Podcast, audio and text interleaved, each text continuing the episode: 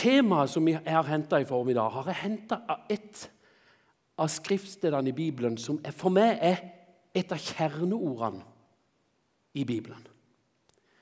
Jeg skal si noe om det at det er ingen fordømmelse for den som er i Kristus Jesus. Jeg kommer til den teksten, men se på den tittelen. Det er henta ut av et skriftsted. Ingen fordømmelse for den som er i Kristus Jesus. Jeg er overbevist om at alle som sitter i, i salen her i formiddag, vi har forskjellige bibelord som betyr noe for oss. Jeg husker i den tida når, når jeg var kalt av Gud, så hadde jeg Jeg holdt på å si jeg hadde et, en, en, fordel Eller Gud hadde i hvert fall en fordel. At jeg hadde hørt mye bibellesning hjemme. Jeg hadde en del sånn som Den hellige ånd kunne bruke. Og så var det ett ord. Nå skal du få ett kjernevers i innledninga som leder videre til det som er temaet vårt. Når jeg gikk og var kalt av Gud, så minner Gud meg stadig på Romerbrevet 10, 13. Hver den som påkaller Herrens navn, skal bli frelst. Gang på gang kom det inn i tanken min, i sinnet mitt. Jeg begynte å gå litt på dette huset. Jeg kjente at jeg er ikke klar til å bli en kristen. Følte ikke at liksom, nå er tida inne, men jeg lengta. Jeg lengta veldig etter å bli en kristen. Og Så begynte jeg å se på det ordet og så tenkte jeg, her er det jo ei forsikring. Det står ikke at 'hver den som har det sånn og sånn'. Hver den som påkaller, skal bli frelst. Så begynte jeg å se at her er en forsikring. Jeg forsto at enhver tilnærming til Gud ville gi et møte med Han. Jeg forsto at i dette verset var jeg ikke oversett. Jeg var ikke avvist. Det verset dro meg inn til Jesus. Det var det første jeg ba på når jeg ble frelst. Jeg kjente en lykkefølelse over å få lov til å knele på det som var ferdig av Jesus, og det at han kaller oss akkurat der vi er. Jeg kom sånn som jeg var, og han møtte meg der jeg var. Fikk full oppreisning, omfavnelse i nåden. Hvis du er her i formiddag som ikke er frelst, så har jeg bare lyst til å si til deg så varmt jeg kan i innledninga Du kan bare vende deg mot Jesus. Alt står der og er ferdig. Vær den som påkaller Herrens navn, skal bli frelst. Så skal vi gå til det som er neste kjerneord, og som er veldig fort oppdaga i løpet av de første ukene når jeg var blitt troende. Det var noen som sang dette verset på en del ungdomstreff i Lyngdal på 80-tallet. Brødrene Jacobsen. Kenneth hadde tonesatt de av versene. Mange av dere husker det kanskje. Så er det da ingen fordømmelse for dem som er i Kristus Jesus. For Åndens lov, som gir liv, har i Kristus Jesus gjort meg fri fra syndens og dødens lov. Det som var umulig for loven fordi den var maktesløs pga. menneskets onde natur, det gjorde Gud. For syndens skyld sendte han sin egen sønn i syndige menneskers skikkelse og holdt dom over synden i vår natur. Jeg stopper der etter vers 3. Romerbrevet 8 har så mye fint å si. Men det jeg kjenner at jeg skal si litt om i dag, det er noe om det Jesus har gjort for oss. Forsoninga. Grunnlaget for at vi kan hvile våre liv i nåde og i trygghet. Det Jesus har gjort, og det han betyr for oss, skal vi se litt på. For meg er det blitt sånn at jeg kan liksom forankre trua mi. Spesielt i det første verset her.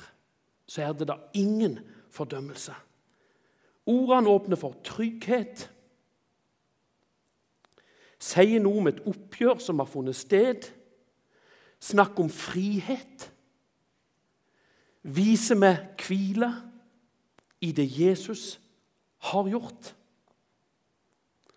For meg er dette blitt så betydningsfullt. Og så syns jeg det er rart. Nå er det ganske mange år siden jeg ble frelst. Jeg syns kanskje det blir finere og finere. For jeg hviler så i det. Jeg hviler alt på dette ordet i Bibelen.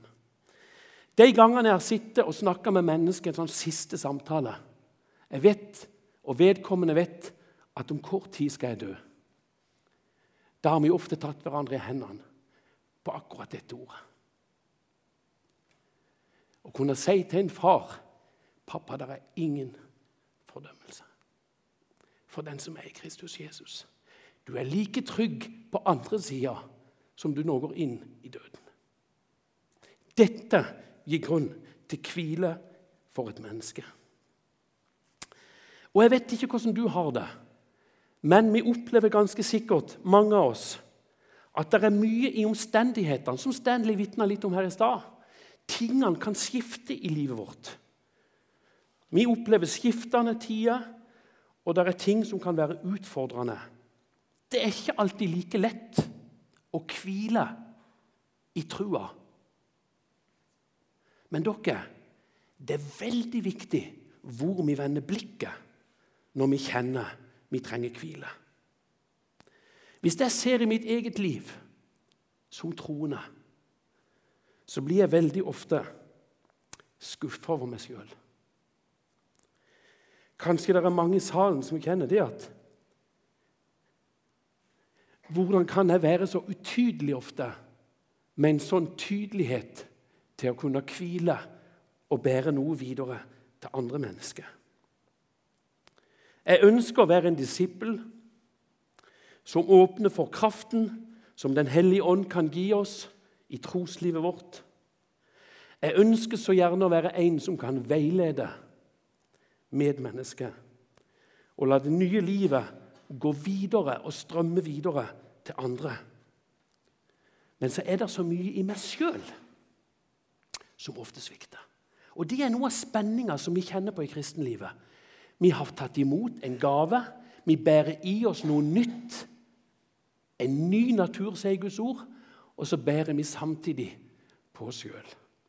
Vår egen natur, vår egen vilje, som ofte er grunnlag for mange valg vi ikke spør Gud først om å ta, men vi tar dem på egen hånd. For meg har det vært veldig godt å se noen ord hos Paulus i romerbrevet når jeg har det akkurat sånn at jeg kan se inn i meg sjøl og kjenne på skuffelse. Paulus han sier det i Romerbrevet 7, 18 og 19. For jeg vet at i meg, det vil si slik jeg er i meg selv, bor det ikke noe godt. Viljen har jeg, men å gjøre det gode makter jeg ikke. Det gode som jeg vil, gjør jeg ikke. Og det onde som jeg ikke vil, det gjør jeg. Dere, Dette kjente også de første kristne på. Dette har alltid fulgt mennesket her i denne verden. Vi bærer med oss oss sjøl på en måte, hvis en kan si det sånn. Midt oppi dette så, det, så gjør vi òg gode gjerninger. Men jeg blir så ofte skuffa når jeg ser åssen jeg kunne balansert mine gjerninger og mine ord på en helt annen måte. Paulus han sleit òg med dette i sitt liv. De første apostlene kjente på nederlag på akkurat dette. Peter har vært nevnt utallige ganger her. Sjøl så kjenner vi på at det vi bærer i vår egen natur, det tar frimodighet hvis vi bare ser inn den veien. Skuffelse og nederlag ved å se på seg sjøl. Vi skulle ønske alle sammen at det nye livet fikk utfolde seg på en mye bedre måte. Dere, Når Paulus veileder menigheten i Roma, i Romerbrevet, så inspirerer Gud han til å vise at alle som ønsker å tro og hvile i tro, må se bort fra seg sjøl og feste blikket på Jesus. Nå snakker jeg om å hvile i tro på det Jesus har gjort. Det Jesus har gjort, betyr alt for oss. Og hvilen og trua finner vi med å se på Han. Så er det da ingen fordømmelse for den som er i Kristus Jesus. Sier han i kapittelet etterpå. Han har skrevet de ordene som han her setter ord på. Du og meg kan altså stole på at Jesu liv, Jesu person, Jesu død, hans oppstandelse, den gjelder for oss. Når jeg kjenner at jeg svikter i mitt liv, så har jeg lagt mitt liv i hendene på en som aldri har tenkt en urein tanke. Som aldri har skjøvet fra seg ei utstrakt hånd. Han er min venn og min representant. Han levde et fullkomment liv. Han gikk i døden og tok min straff. Så sto han opp igjen, og oppstandelse er en bekreftelse på at Jesus fullførte oppdraget for meg og for deg. Det å betrakte Jesus på denne måten, det skaper noe i oss. Og så sier dette bibelverset enda mer. Der er et uttrykk og en flott detalj som kommer så fint fram. Vi som har tatt imot gaven, evangeliet, vi som har åpna våre liv for tilgivelsen som Jesus har, du er blitt det Bibelen sier, plassert i Kristus, Jesus. Du er plassert i Kristus Jesus. Du har fått den mest trygge plassering og posisjon du kan få for troslivet ditt. I Kristus. Og Jeg har lyst til å stille spørsmålet sammen med, med deg i formiddag. Hva innebærer det? Hva innebærer det? Jeg sa litt i stad, og jeg vil gjenta det. Alle som er i Kristus og har lagt seg over i hans forsoning, skal ikke bli dømt etter sine liv, nederlag og synder. Det vi gjorde som vi ikke ville, og det vi ikke gjorde som vi egentlig ville. Vi blir ikke stående alene i det. Nei, Gud sier at han ser oss i Kristus Jesus. Det er det som teller. Det er det som teller. Paulus han utdyper og forklarer han dette i Romerbrevet 3. Litt tidligere så er han inne på dette i et avsnitt som jeg hørte, noen, jeg hørte en bibellærer som en gang sa De versene er kalt evangeliet i evangeliet. Min tale nå om det dypeste, det reneste, det viktigste. Det som kan endre liv og evighet. Hør på disse ordene i Romerbrevet 3, fra vers 22. Dette er Guds rettferdighet, som gis ved troen på Jesus Kristus til alle som tror. Her er det ingen forskjell, for alle har syndet. Og de har ingen del i Guds herlighet, men ufortjent og av Hans nåde. Blir de erklært rettferdige? Jeg har satt inn et ord her som en annen bibeloversettelse bruker. Blir de rettferdiggjort på grunn av forløsningen i Kristus Jesus. Han har Gud stilt synlig fram for at han ved sitt eget blod skulle være soner for dem som tror. Slik ville Gud vise sin rettferdighet. Se hvordan Gud betrakter Jesus når han skal gi oss hvile.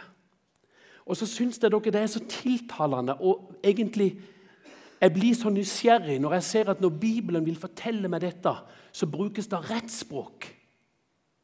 Det hentes ut dype uttrykk.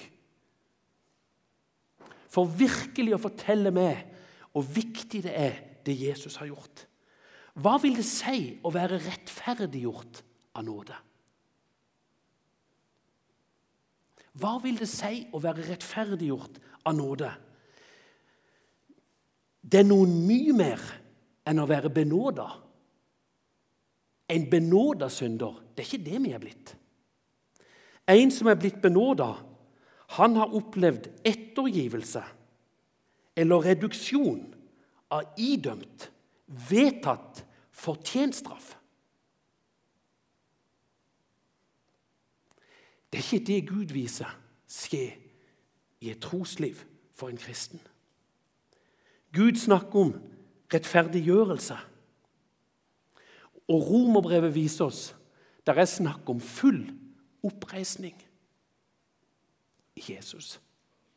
Full oppreisning. Rettferdiggjørelsen skjer fordi Jesus på vegne av Gud steg ned og i vårt sted bar seg sjøl fram på korset. Og så befrir han oss så soner han for oss den dom vi skulle hatt. Det er noe mye mer enn å være benåda. Det handler om at vi frifinnes fra Guds dom, og at Gud tilgir oss for Jesus skyld, sier han mange plasser i Bibelen. Rettferdiggjørelsen dere, det er noe vi tar imot.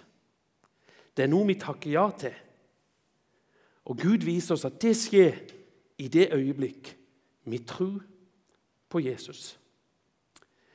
Tar imot gaven og nyte nåden. Da står vi rein i det Jesus har gjort. Dette avgjør våre liv og vår evighet.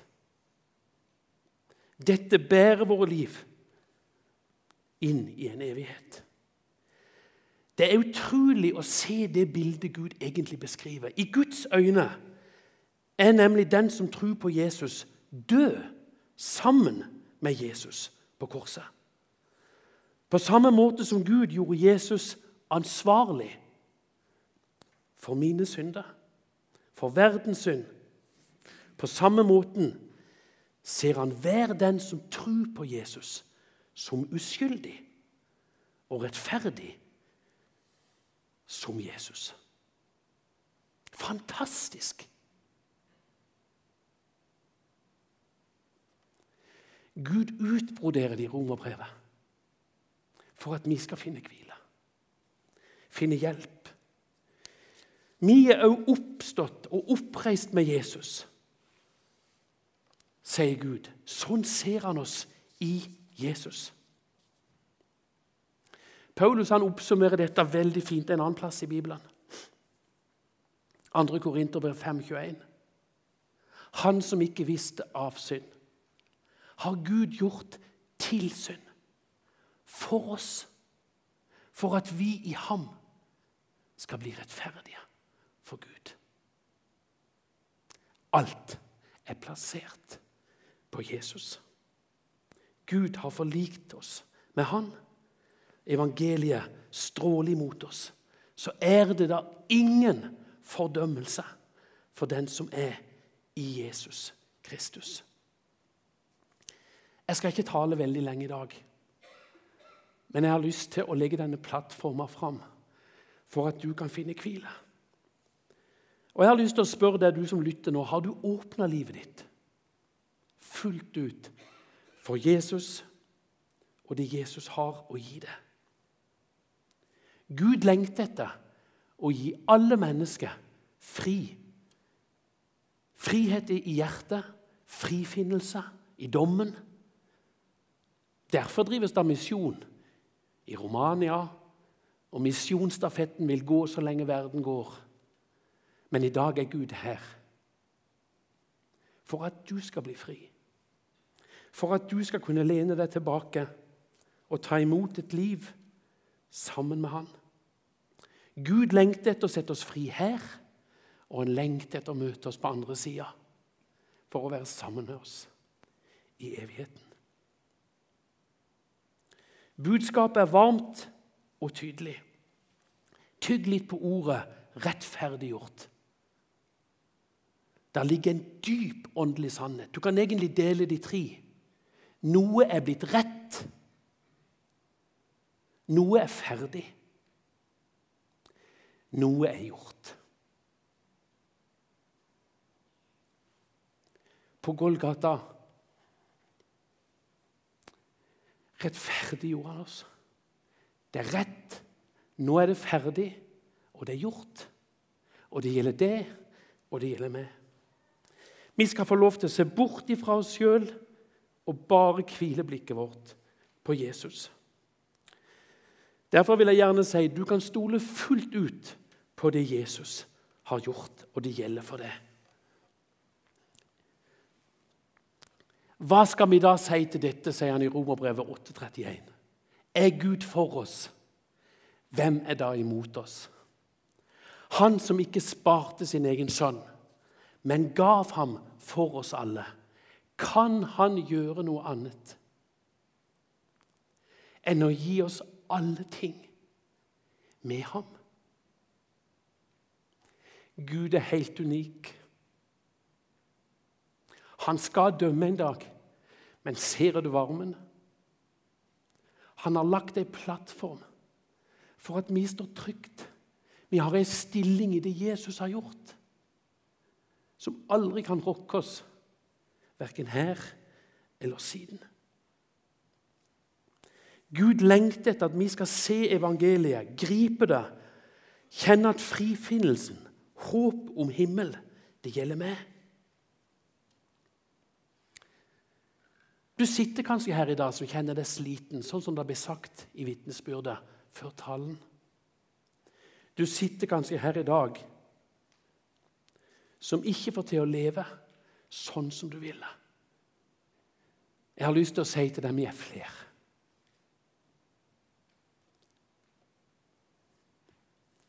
Men se Jeg prøvde å tenke kan det finnes et bilde som kan symbolisere hva, hva det vil si å være rettferdiggjort. Det at Gud har steget ned, steget ned og blitt min bror. Nå kommer jeg med et helt enkelt bilde, men jeg syns det symboliserer det jeg opplever som troende. Vi kan få lov til å sette oss ned i Guds nærhet. Vi kan tørre å gå inn i renheten gjennom det Jesus har gjort.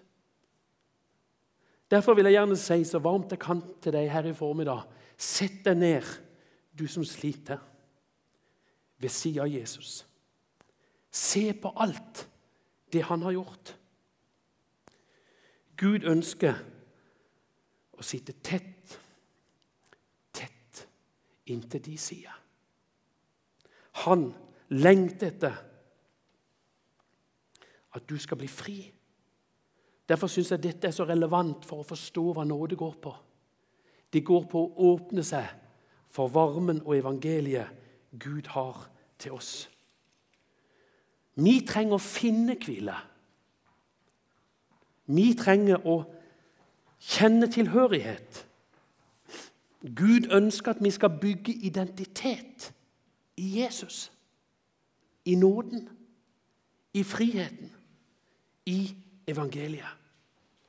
Derfor så sitter han nær oss og sier, 'Kom, til meg, du som sliter.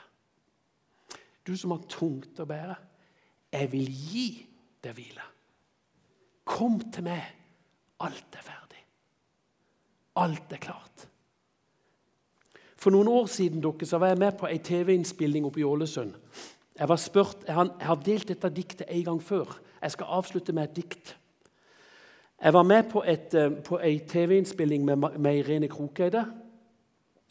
Der jeg var, og jeg var blitt spurt på forhånd om jeg ville være med og fortelle min frelseshistorie. eller måten jeg kom til Jesus. Og så var det noen andre som òg var der samme dagen og gjorde, oppspill, gjorde innspilling. Jeg ble sittende og prate med ei som jobbet i skolevesenet i Molde. Hun var en del år eldre enn meg, hun var just blitt pensjonist når vi var sammen. Hun fortalte meg at hun hadde levd hele sitt liv borte fra Jesus. Hun hadde ingen nære i familien som var troende. Så fortalte hun at hun hadde jobbet i, sitt i bystyret i Molde, og så en dag så var hun i Oslo å, på Stortinget for å være med på noen møter.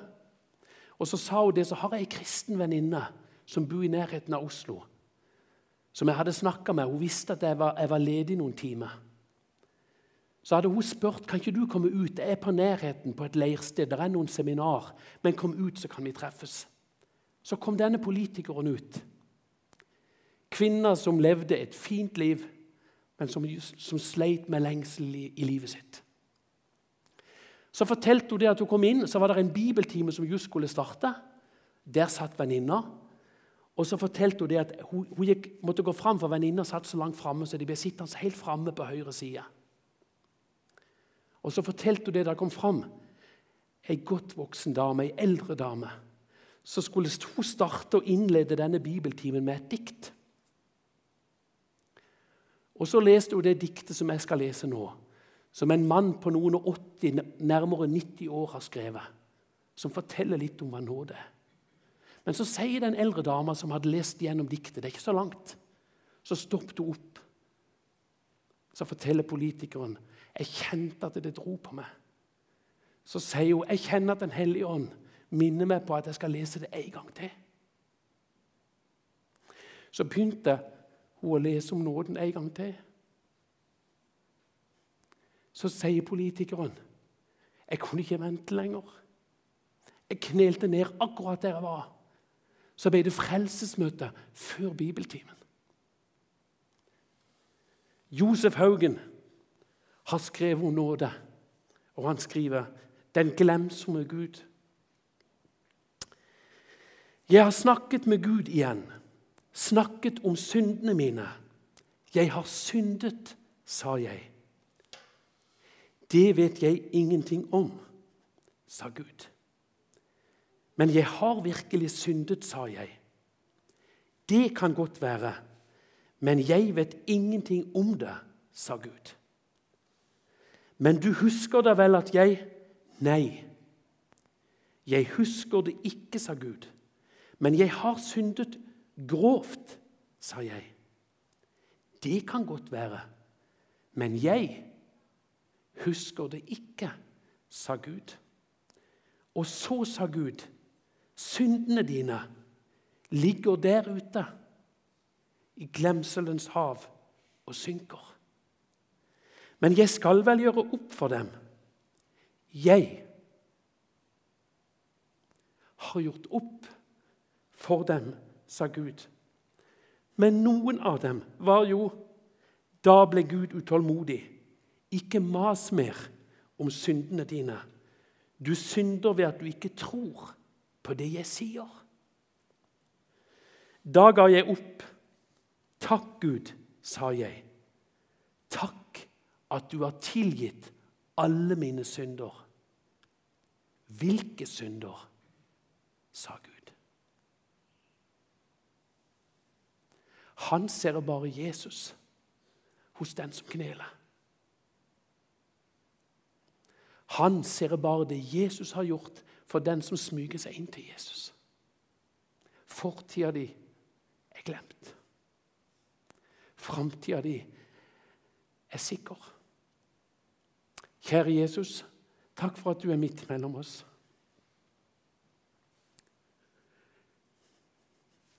Vi forstår så godt at englene sang når du kom, med Guds velbehag til vår jord. Vi tror av og til vi forstår litt av hva din gave betyr. Men det at du, Jesus, tok imot et oppdrag, steg ned som en av oss og tok all vår syndebyrde og det bruddet som hadde skjedd, tok du ansvar for. Og så løfta du opp alle som vil tro og leve hos deg. Kan du hjelpe oss, Jesus, som sitter her i formiddag, til å se bort fra oss sjøl og til å se på det? Ta imot det og nyte det akkurat som du er. Vær hos den som sliter. Og Jesus, om det som dette bildet symboliserer, kunne bli noe som noen kunne oppleve i formiddag. Jeg vil sette meg helt inn i nærheten til Jesus, i varmen, og nyte.